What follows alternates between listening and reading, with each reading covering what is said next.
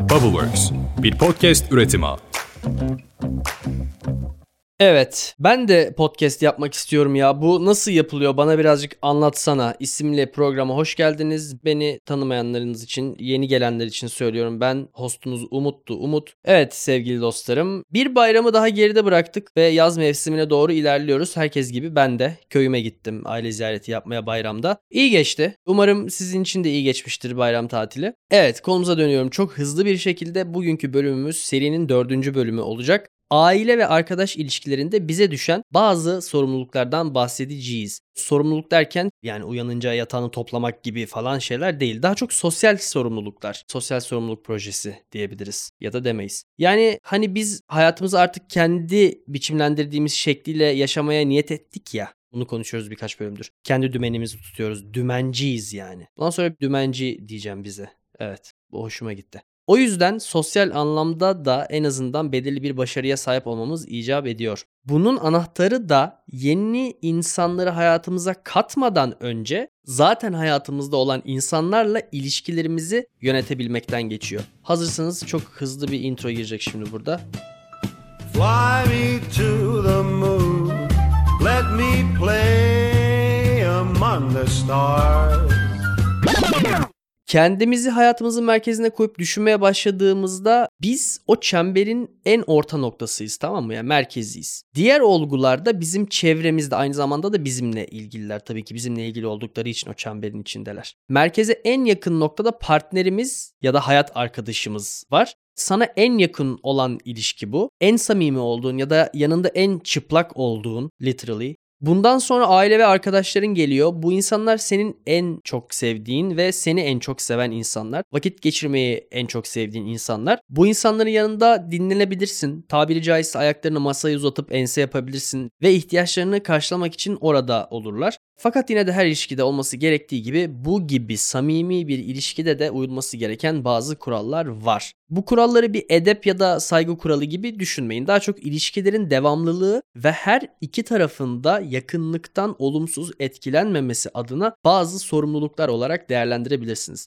Evet yakınlık bazen zarar verebiliyor arkadaşlar. Yani siz bir gülsünüzdür. Onlar da birer balon olabilir. Onları sevebilirsiniz. Onlar da sizi çok sevebilir. Fakat çok yakınlaştığınızda elinizde olmadan birbirinize zarar verebilirsiniz. Tabii ki her senaryoda da böyle olmak zorunda değil. Dedik ya ilişkilerin devamlılığı için bu ilişkiler biraz üzerinde düşünülmeyi ve bilinçli bir yaklaşımı hak ediyor. Öyle herkes içinden geldiği gibi hareket ederse çoğu zaman problem çıkabiliyor. Bu bölümde aile ve arkadaş ilişkileri üzerinde düşünülmesi gerekenleri konuşacağız şimdi. 1. Biriyle arkadaş olacaksanız dost olun. Arkadaş ve dost arasındaki farkı hepimiz tahayyül edebiliyoruzdur sanıyorum. Bizim dilimizde olan bir kelime bu yani dost, dostluk. Farsça kökenli ve aynı zamanda hem arkadaş hem de sevgililik ilişkisini tanımlıyor. Arapçada da hiçbir düşmanlığın olmadığı kimse olarak tanımlanmış dost kelimesi. Yani arkadaş kelimesi biraz daha tanıdık birine yakın iken Dost kelimesi daha samimi bir ilişki tasvir ediyor anlayacağınız. Yalnız tabii dostluk kolay da bir şey değil. Muazzam bir sorumluluk gerektiriyor. Bunu şöyle teyit edebilirsiniz mesela sizin dahil olduğunuz ya da çevrenizde tanıklık ettiğiniz çok yakın arkadaşlıklar olmuştur bir noktada biten. İşte bitmesinin sebeplerinden biri de bu muazzam sorumlulukların yerine getirilmeyişi. Sorumluluk derken neyden bahsediyorum? Neyi?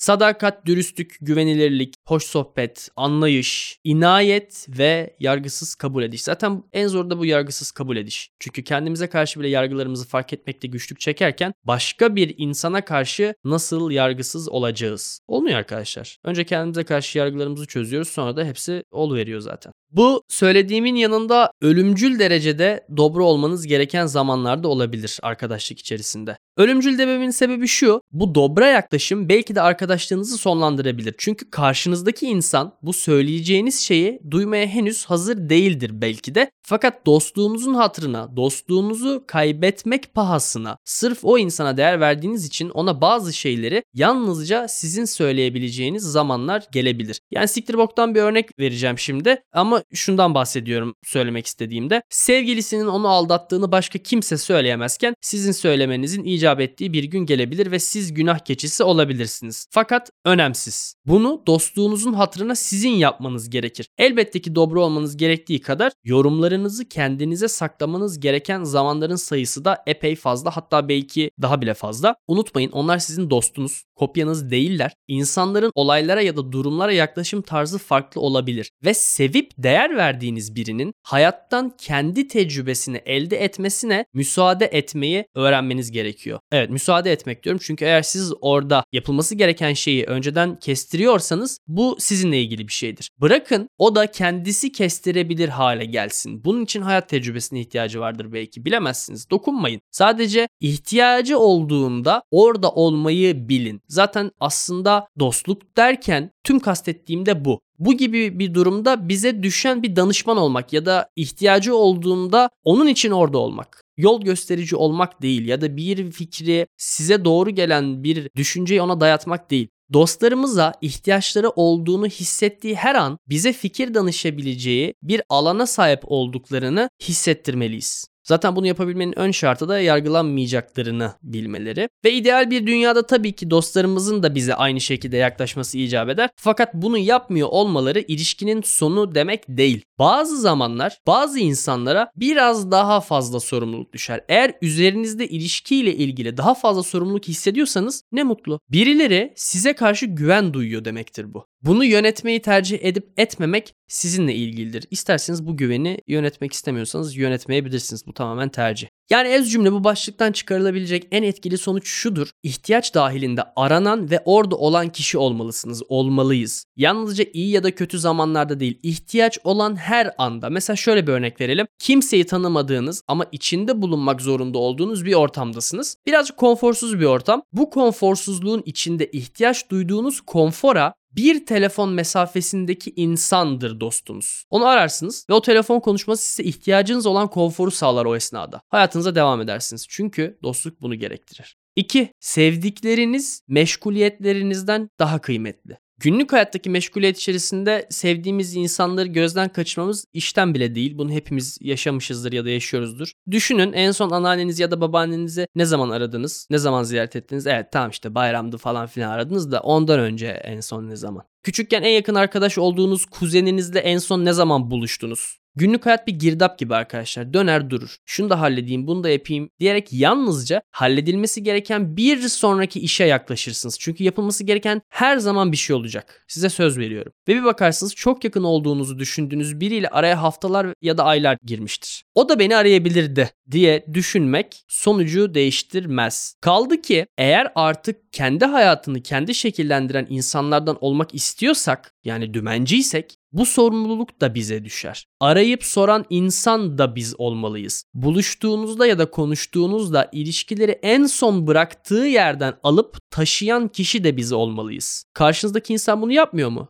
Sorun değil. Emin olun onun da kendi hayat mücadelesi ve kafasında bazı problemleri var. Biz bunların farkında olanlar olarak bu sorumluluğu alıyoruz ve yeri geldiğinde ilişkiler için bizden daha az emek gösteren insanları da affedip kucaklıyoruz. Çünkü unutmayın onları sevdiğimiz için, onları istediğimiz için hayatımızda tutuyoruz. Biz artık böyle insanlarız unutmayın. Hayatımızı ve ilişkilerimizi idare etmekte başarılıyız ve buna pişmanlıkları, afları ve özlemleri yönetmek de dahil. Gerçekten içinizde sevgiyi ve iyiliği taşıdığınıza inandığınız noktada artık ahlaki üstünlüğü siz almalısınız. Çünkü o ahlaki üstünlükle yapacağınız şey yine iyiliğe ve sevgiye yönelik olur. Eğer ahlaki üstünlüğü karşınızdaki insana bırakırsanız o bu sorumluluğu yönetemeyebilir. Belki de zaten böyle bir sorumluluk istemiyordur. İstemeden de olsa size ya da ilişkinize zarar verebilir. Bunu şeye benzetelim. Küçük bir çocuğun eline dolu silah verip birini öldürdüğünde onu suçlayamazsınız. Çünkü muhakeme yeteneği yoktur. Aynı şekilde anlayış, kabulleniş ve affediciliğe sahip olmayan bir insanın eline ahlaki üstünlüğü veremezsiniz.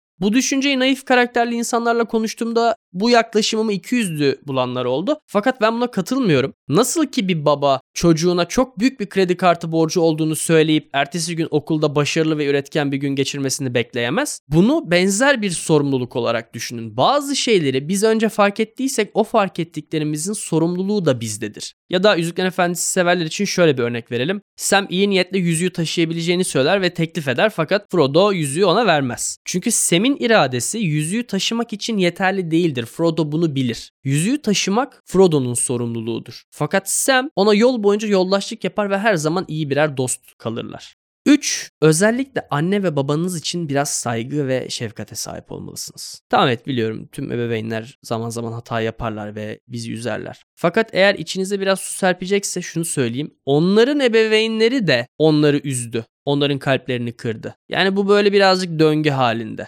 Fakat şunu unutmamak lazım. Her ebeveyn elinden gelenin en iyisini yapmaya çalışıyor. Elinden gelenin en iyisi bizim için yeterli olmayabilir. Kabul. Fakat yine de unutmamalıyız. Onun elinden gelenin en iyisi bu. Zaten bu konu özelinde ebeveynlerimizi neden bıçaklamamalıyız bölümünde detaylıca konuşmuştuk. Fakat özet geçelim. Dünyaya gelmiş olmamızın sebebi onlar. Eğer iyi bir şeyler başardılarsa bunu onlarla paylaşın. Eğer onları sevdiğinizi hissediyorsanız bunu onlarla paylaşın. Ve evet sevmek zorunda değilsiniz. Üzerinizde böyle bir baskı hissetmeden sevin annenizi babanızı. Anne ya da babanız sizi ya da ailenizi terk etmişse bile bu kural geçerlidir. Çünkü hepimiz hayatımızın bir noktasında diğer insanlarca kötü ya da bencil diye nitelendirilen kararlar verebiliriz. Hepimiz bu gibi bir kararı vermekten belki bir adım uzaktayızdır. Hepimizin kendi duygu birikimi, ajandası ve güçsüzlükleri var. Bizim de aynısına benzer bir karar vermemiz gerektiği güne kadar o insanın verdiği kararın tam olarak ne anlam ifade ettiğini bilemeyiz. Öyle bir noktada farklı bir karar verebilmeyi başardık mı? Ne mutlu. Yine de o kararı veremeyen insanı yargılayamayız. Şunu unutmayalım. Hepimizin hayatında yeterince yetenekli, kararlı veya başarılı olmadığımız alanlar mevcut.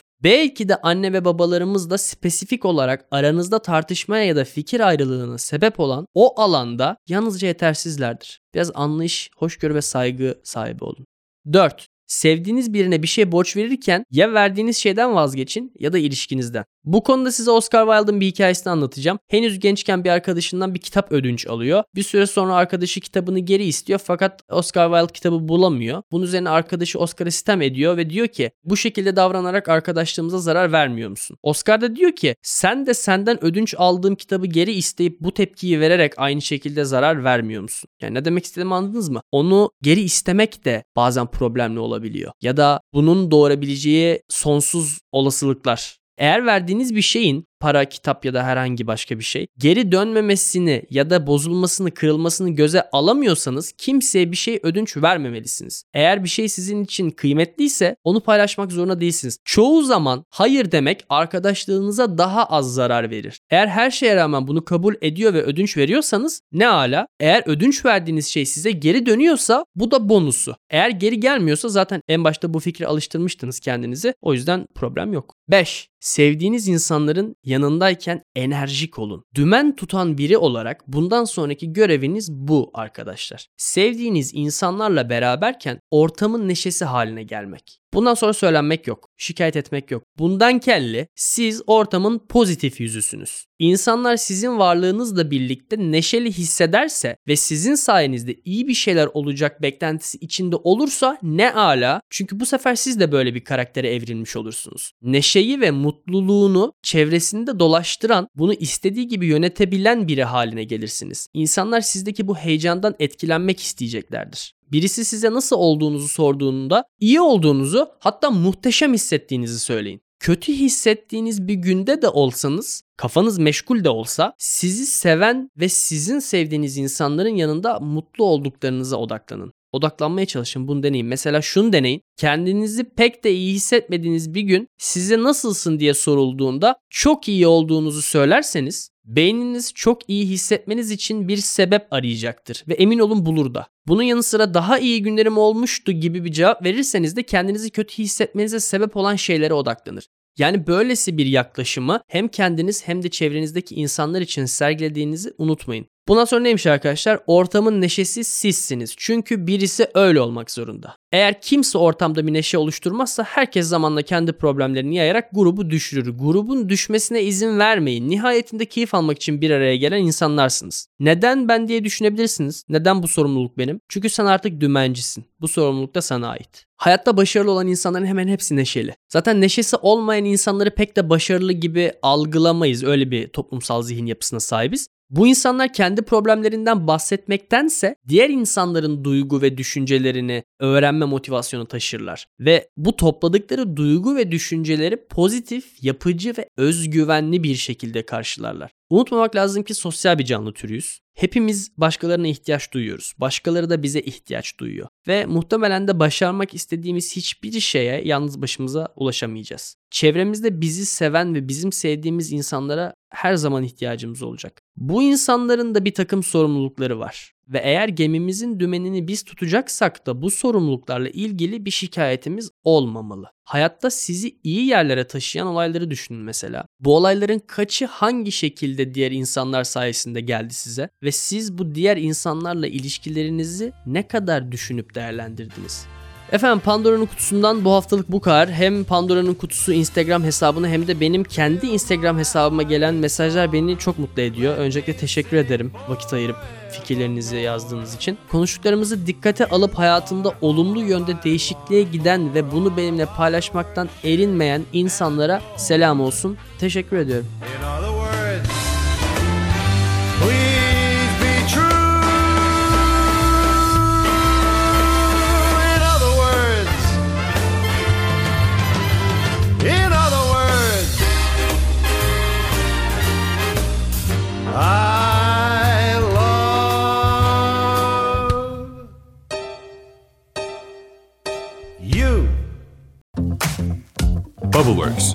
Podcast üretimi.